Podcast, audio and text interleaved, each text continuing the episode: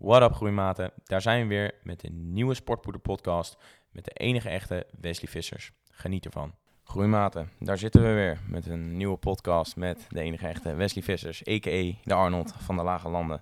Met vandaag een, een misschien gevoelig onderwerp in de podcast, ehm, maar bijvoorbeeld over eh, het nieuwsbericht van de recente dood van Cedric McMillan. Ehm, en dan om de vraag gelijk te stellen, uh, hoe ver denk jij dat een bodybuilder is om te, om te gaan uh, voor die eerste plaats? Sommige mensen die zijn daar best wel gestoord in eigenlijk, als ik heel eerlijk ben. Um, en uh, bedoel ik niet op een vervelende manier, maar ik doe bijvoorbeeld de wedstrijden omdat ik weet dat ik er dingen uit kan halen. Ja. Sommigen doen het puur en alleen omdat ze misschien geen andere doel of focus hebben in hun leven. Maar die denken niet na van als ik de wedstrijd misschien win, wat komt er dan daarna? Ja, nog een wedstrijd die ik kan winnen, maar niet echt een uiteindelijk doel waar wij daarbij iets mee kan. Ja. En dan wordt het dus nog gekker dat je daar dus zoveel verschillende dingen voor gaat doen, opofferen, ongezonde dingen. Um, dus als jij een bloedtest doet en je waarden zijn bijvoorbeeld vijf keer hoger dan ze horen te zijn, en dan nog steeds denken van ja, zo erg is misschien ook weer niet, dus ik kan nog eventjes doorgaan bijvoorbeeld. Of dat ze gewoon geen bloedtest doen, omdat ze bang zijn voor de waardes. Dus oh, als je het niet, dat, is, dat noem je toch ignorance, ignorance is bliss. Dus dat je gewoon, als je het maar niet weet, dan uh, ja, maakt het toch niet uit, denk je dan. Ja, maar ja, het is, het is denk ik ook wel, ik denk dat jij dat, uh, het gevoel dat je er staat is natuurlijk geweldig. Um, ja. Alleen, sommige gasten die zijn volgens mij echt gewoon legit bereid hun leven daarvoor op te geven. Of in ieder geval ja. verschrikkelijk te verkorten. Ja, ja, ik heb zoveel verhalen al gehoord van, uh, en sommige hele persoonlijke dingen ook. Van een, ik hou hem wel even anoniem, maar ik was hier aan het poseren, poseerles aan het geven met iemand, ja. een 18-jarige jongen.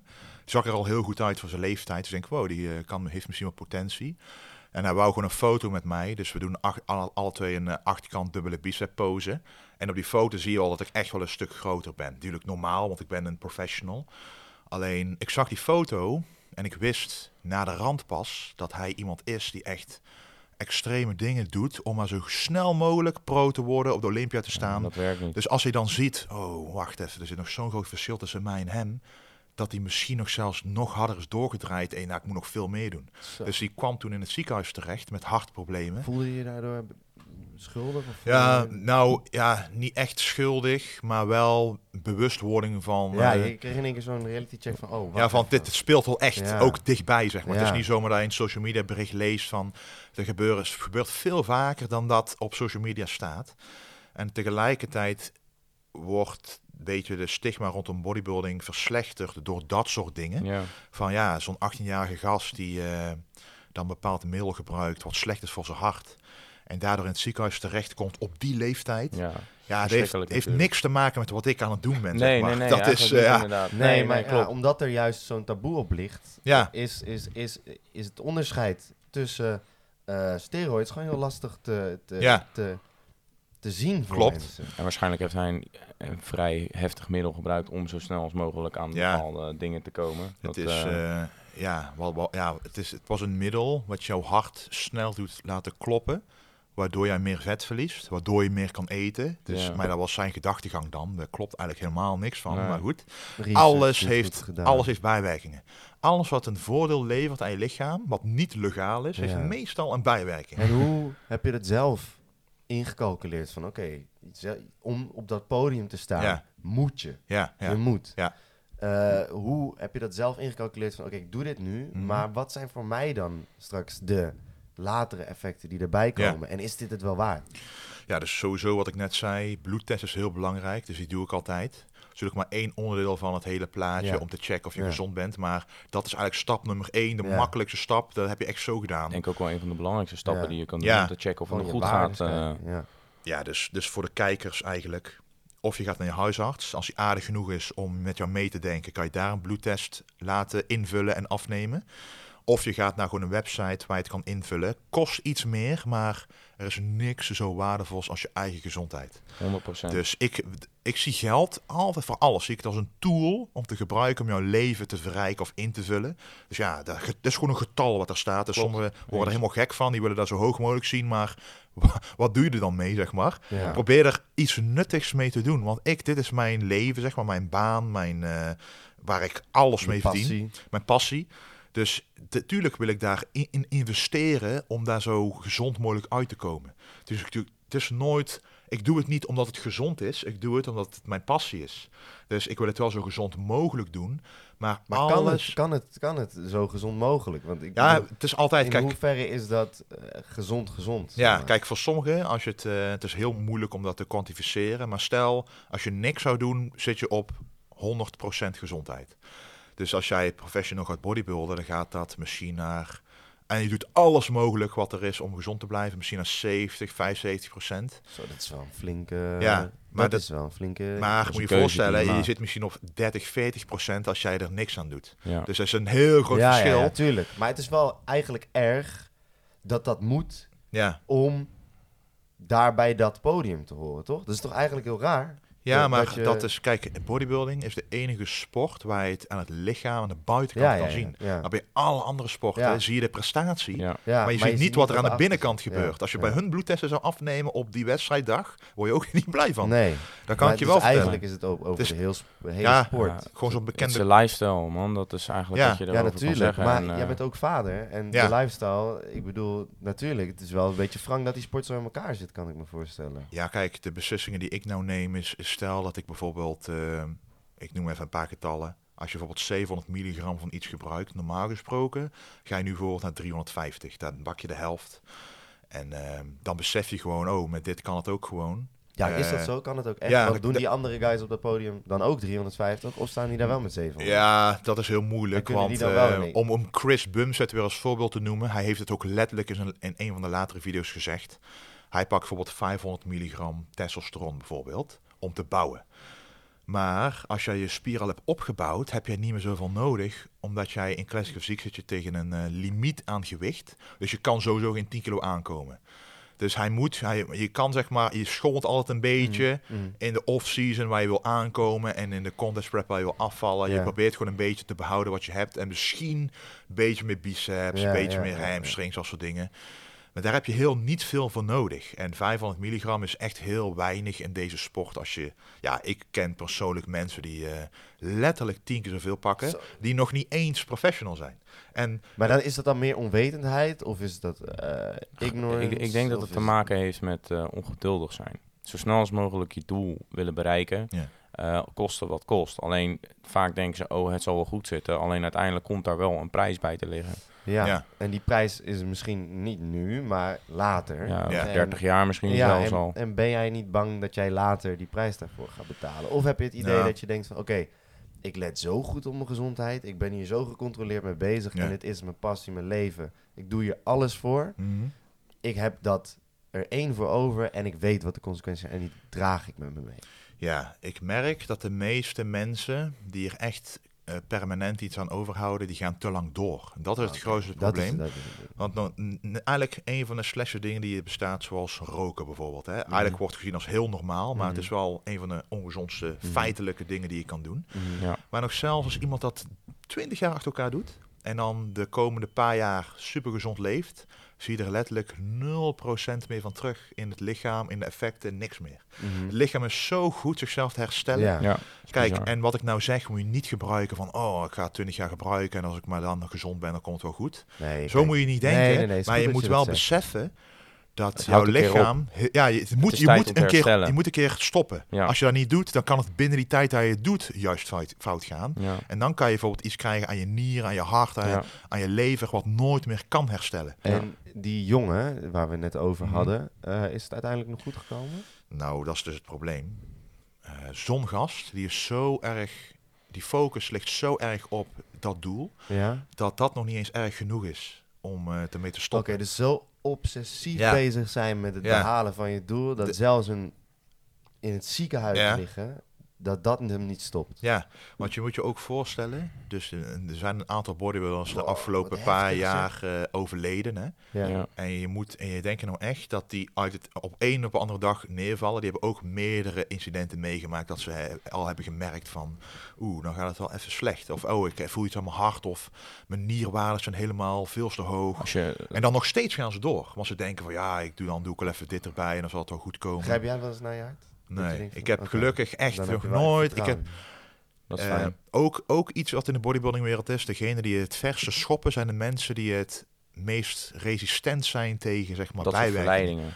Ja, dat, maar ook de bijwerkingen zelf. Ja, Dus als ik merk eh, wat mensen met een lage dosis van iets, wat voor bijwerkingen die al ervaren, die ik nog nooit heb ervaren bijvoorbeeld, in heel mijn Zoals? carrière niet. Ja, bijvoorbeeld dat je superveel ehm omzet naar oestrogeen, waardoor je meer vocht vasthoudt, waardoor je, waardoor je bloeddruk hoog wordt. Eh, met een hele lage hoeveelheid testosteron bijvoorbeeld al, waardoor jij naast je testosteron weer iets anders moet nemen om dat weer Ja. recht te trekken. Ja. En dan Ja. heb je een soort van domino-effect. ja. Maar als dat daar al niet begint, heb je daar al, dan ontstaat het domino-effect niet eens. ja. Dus dat is het voordeel van als je genetisch zo in elkaar zet dat je dat allemaal niet nodig hebt, dat je veel verder kan met veel minder. En daar, en dus ook iets wat heel belangrijk is, ik denk dat de meesten dat inmiddels wel weten, maar de mensen aan de top gebruiken eigenlijk het allerminst. Dat denk je altijd van, het zou logischer zijn dat die het meest gebruiken, van ja, hoe meer je gebruikt, hoe groter je wordt. Ja, Maar juist- Dat is wel een mooi inzicht Ja. wat je dan geeft. Van oké, eigenlijk alles eromheen is nog zoveel beter geoptimaliseerd. Ja. Waardoor... Precies. Oké, Ja. En, en, en ze ja, en kunnen gewoon ook... jarenlang hard werken. wat Ja, ook in natuurlijk. Ja, hè, en- dat niet te vergeten. Ik bedoel, we hebben het nu wel de hele tijd daarover. Maar Ja, volgens mij zit jij nu al... Ja, je- eh, 21, eh, even denken, sinds Vertellen, 13 vijf- jaar. 15 jaar? Ja, 15 zo jaar? ongeveer. 15 jaar, ja, klopt, ja. Zit je al eh, elke dag bijna in de sportschool? Ja. Ja. Hoe vaak train je per week? Ja, ik doe drie dagen trainen, één dag rust. Gewoon drie, Oké. Ja, gewoon drie on, één one Hij kijkt niet zeg naar een week, hij Nee. kijkt naar onder de... Ja, de- ja, de- ja, de- ja. de- ja, jouw lichaam mensen, weet bijvoorbeeld niet dat er zeven dagen in de mensen, week zit. ja. Ja, ja. En dat is ergens ook wel logisch. Ja. Ja, ja, voor sommigen moet, je, moet dat praktisch zijn, dat ze echt weten, oké, eh, dat ze het moeten kunnen inplannen. Ja, maar mensen voor met, mij, eh, eh, met werk en zo. Ja, Ja. ja. of dat ze afspreken Dat met iemand anders. Dan, ja, dit is jouw werk. Dus Ja, daar- precies. Het is een dan- lifestyle. Daarom. Maar nog even terugkomend op die jongen. Er zijn wel veel luisteraars, denk ik ook nu, omdat het Sportpoeder natuurlijk een, een account is met veel mensen die bezig zijn met sport, die vinden sport geweldig. Ze zijn misschien dat daar ook een lichte obsessie eh, ontstaat. Ja. Ehm, zou jij misschien iets tegen hun willen zeggen? ehm, als zij daarover nadenken van oké, nou ik wil nog groter worden, nog groter en kan het eigenlijk niet groot genoeg?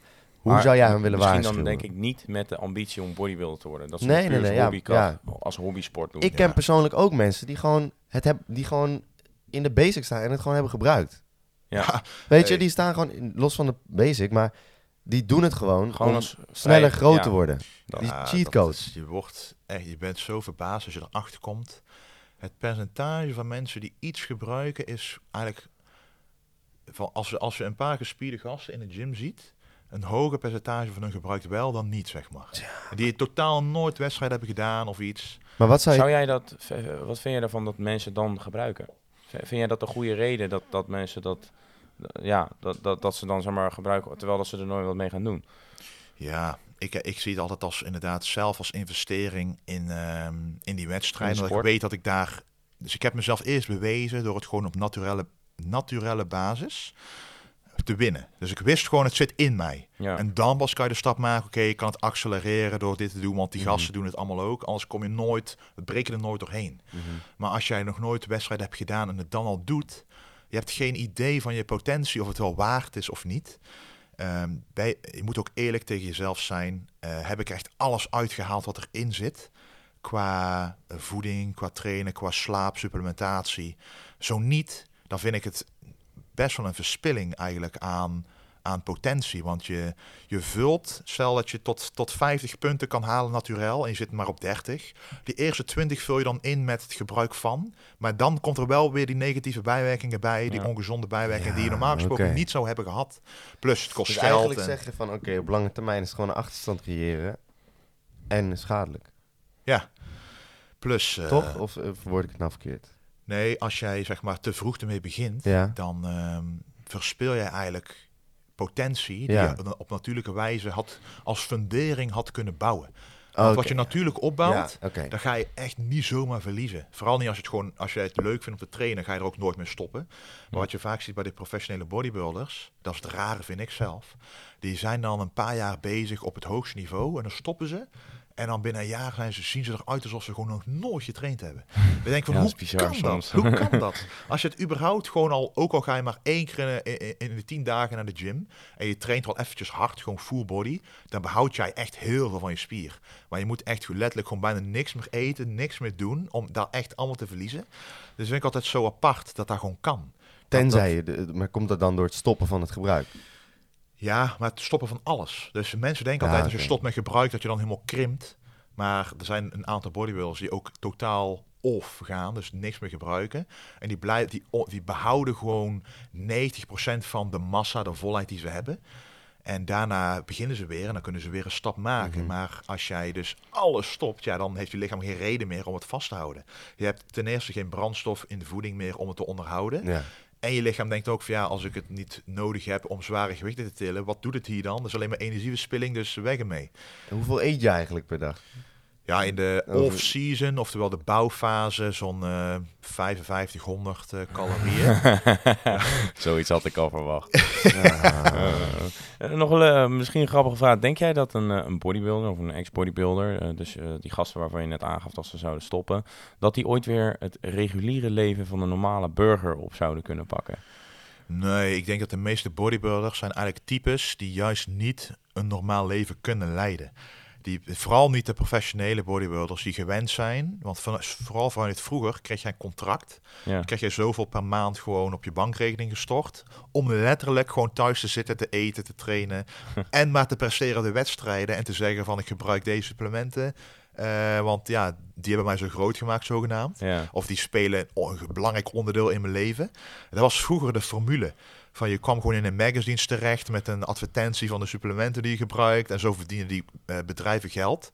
Dus die zijn het echt gewend om gewoon hun, alleen maar hun eigen ding te doen. En voor zichzelf dus te werken eigenlijk.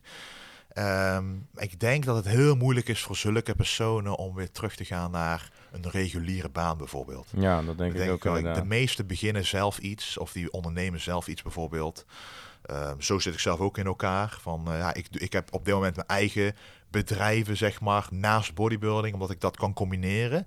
En als bodybuilding geen eh, optie meer is, dan blijf ik daarmee doorgaan. Ja. Dus voor mij is dat Kijken ook... naar de toekomst. eh, ja, precies. Ja. Misschien een leuke vraag om eh, of nou ja, een leuke vraag om mee af te sluiten, om nog in te haken op net. Eh, want het is natuurlijk heel spijtig wat er allemaal gebeurd is met al die bodybuilders die vroegtijdig zijn overleden.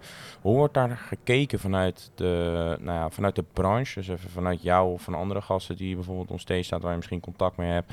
Wa- wat vinden zij daarvan? Zien ze dat als iemand, als een, bijvoorbeeld een martelaar, iemand die gestorven is voor zijn geloof? Of zien jullie meer dat als, eh, als een, nou ja, ik zal niet zeggen een soort fuck-up, maar meer van, ai, dat is niet slim, dat die beter niet kunnen doen. Wordt dat meer gezien als een soort held? Of meer als een... Nee, niet, niet als een held. Want eh, we weten allemaal, bodybuilding is sowieso moeilijk in het eh, publieke oog op een, op een positief licht te laten zien. Ik denk dat het nu wel die kant op gaat. Ja, nu wel, maar elke keer als er dus iemand overlijdt door bodybuilding, dan gaat er wel, is er wel even een messteek in de imago van de sport, terwijl het eigenlijk helemaal niet hoeft.